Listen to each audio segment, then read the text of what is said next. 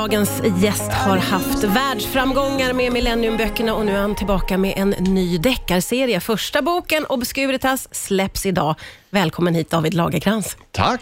Hur mår du? Du har haft en sån heldag vet jag med detta boksläpp. Jo, ja, men jag börjar och hämta mig och komma tillbaka. men herregud, det har varit jobbigt. Det har varit Ja, intensivt. jo, jo, jag började sex på morgonen i radio och sen suttit i tv och babblat och tjatat och varit nojig. Men nu, Känns det bra nu då? Ja faktiskt, så Ja. känner jag lite hopp så här, ta i trä. Nu tycks det bära.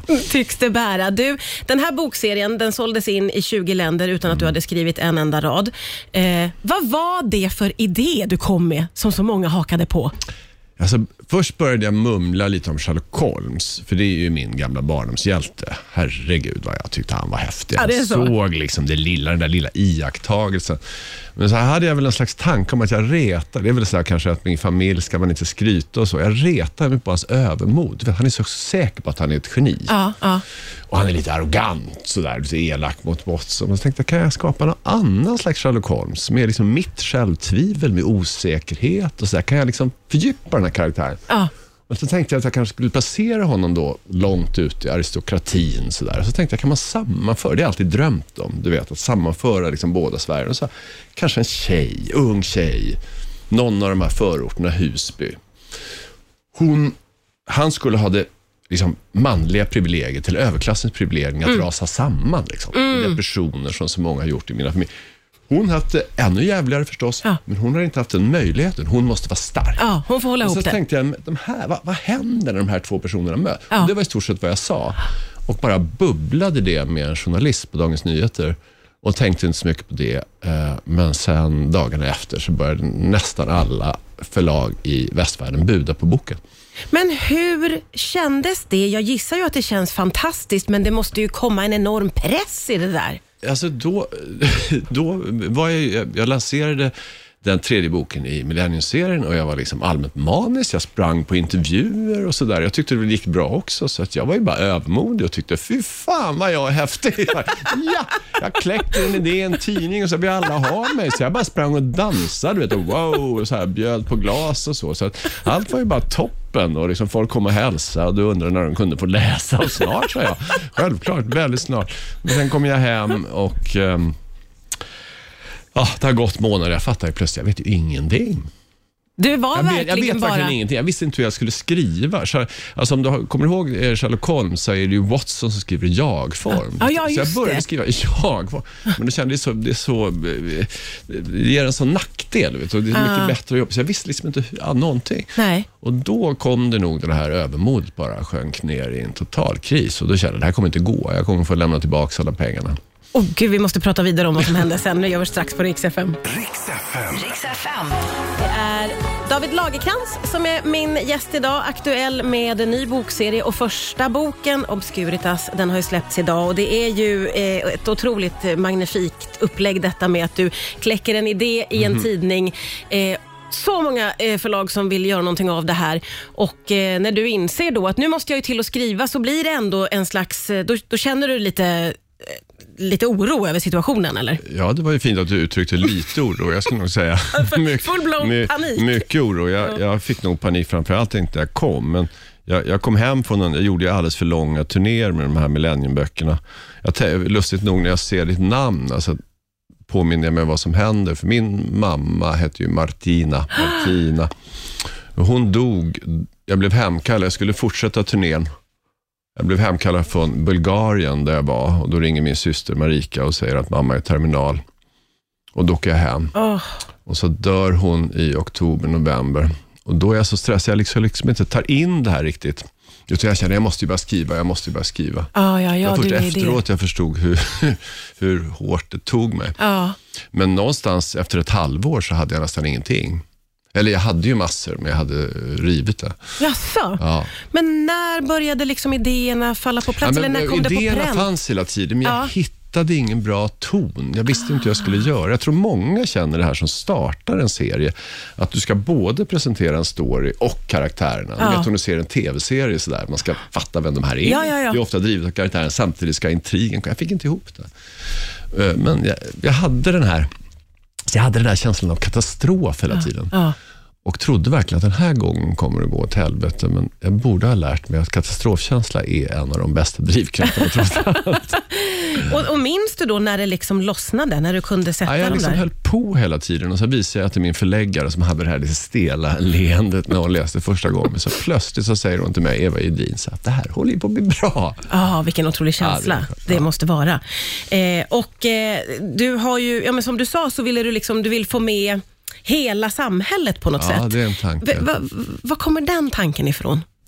Det är väl en, att skriva liksom en stor roman. Jag vet inte om du minns, på 80-talet skrev Tom Wolfe en roman som heter Bonfire of the Vanity, fåfängas fyrverkeri, som liksom skar som en kniv genom hela samhället. Från liksom slummen i, liksom i Harlem upp till... Liksom, fanns något så flott i det, att allt hänger ihop och också Ja. visa på klasskillnaderna som Ja. ökar ju dramatiskt och har gjort det de senaste åren. Och få ihop allt det här och också alltså, någonstans fanns ju de här mötena med Zlatan. Mm. Även om han var Gud själv, så var han ju ändå från en helt annan bakgrund. Ja. Och vi höll ju på med hans bakgrund i Rosengård och jag satt från en helt annan bakgrund. Egentligen var jag den sämsta som borde ha förstått det där, men någonstans så fattade jag honom. Jag Så det var där det tändes ja, det någonting det i dig? tände En liten tanke, Ja. liksom, att han, jag kan förstå hans utanförskap. Ja. Varför ska jag inte försöka? Det är en vild tanke. Alla kommer hoppa på mig att jag av alla ska skildra en tjej från Husby. Ja. Men det gav mig mod. Aj, vad häftigt, vad roligt att se nu att det liksom är sprunget ur... Ja, men det är sprunget ur allt man har gjort. Ja, det är ja. det som är så häftigt. Jag har hållit på, jag skrev slä, jag skrev millenniumböckerna, jag har skrivit biografier, historiska romaner och sen plötsligt nu var jag fri då och kunde göra vad fan jag ville. Ja, och då blev gjorde du det. Den här, Ja. den här Sherlock Holmska romanen och sen kunde jag i den här Räcke då som han heter, min Sherlock Holmes, där kunde jag liksom banan kunde jag fästa alla de här mörka stråken som jag har levt med. Det var ganska skönt. Använda det till något nytt, bra för en skull. Häftigt att förstå hur du jobbar. Vi ska prata vidare strax här på Rix.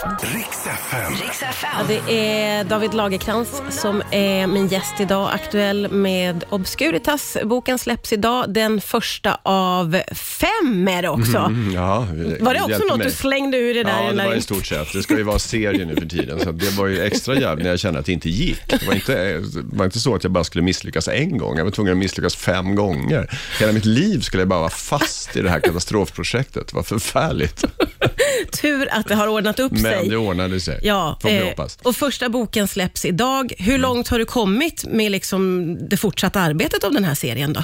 Eh, jättelångt får jag ju säga då, givetvis. Nej, men jag, Det känns som att du nej, jag har inte kommit så långt. ljuger. Men jag har en ganska bra idé.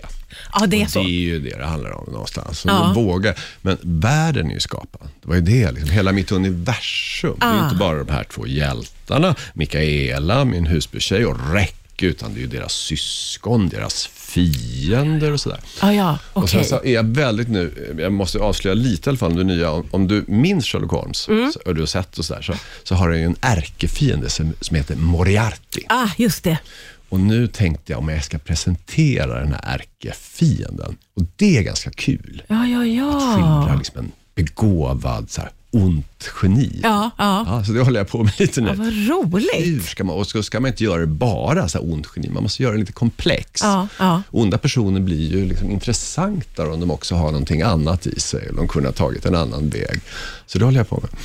Så viktigt att skapa det här universumet för att kunna gå vidare och liksom st- stoppa in eh, övriga idéer och karaktärer. Den här Ja, så första... måste karaktärerna utvecklas, det är ju grejen. Ja, måste just det. hända någonting. Ja, ja. Den här första boken den Mm. utspelar sig 2003 och jag uppfattar att du tycker att det är ett nyckelår. Ja, jag, jag tror nog det. Alltså vi, vi har 2001 då förstås, som förändrar historien på så många sätt och USA har alla sympati. Liksom. Ondskan har anfallit. Och de, men vad de gör är inte då att de startar ingen brottsutredning, försöker få fast de skyldiga och Osama bin Laden. Och de skapar två krig egentligen utan eftertanke.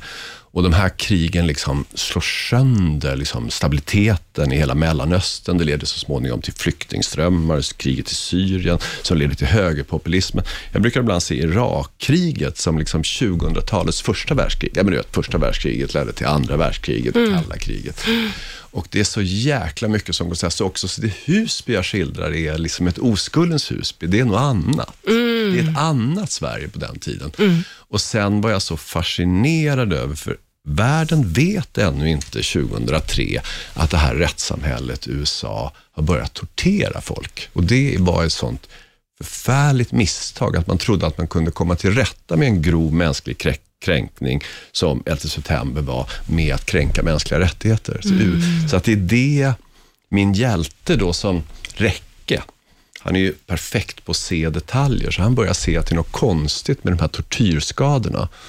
Det kanske inte är talibanerna, talibanerna spelar då en viss roll, Aha. utan han säger också att även tortyr har sina liksom fingeravtryck, trick, Ja, tryck ja, ja, och kulturella kännemärken. Så han avläser på tortyrskadorna. Ja, Okej. Och så, så det är ett år tror jag då väldigt mycket går snett. Ja, Irakkriget var ett katastrofalt misstag. Man blir väldigt nyfiken på boken. Obscuritas kommer ut idag. Alltså, tack snälla David Lagercrantz Är för att du klart tog dig redan vad tid. Det går trevligt så det var? Men det gör ju när man har roligt. Eller Tack hur? snälla. Välkommen Tack när som helst. Tack.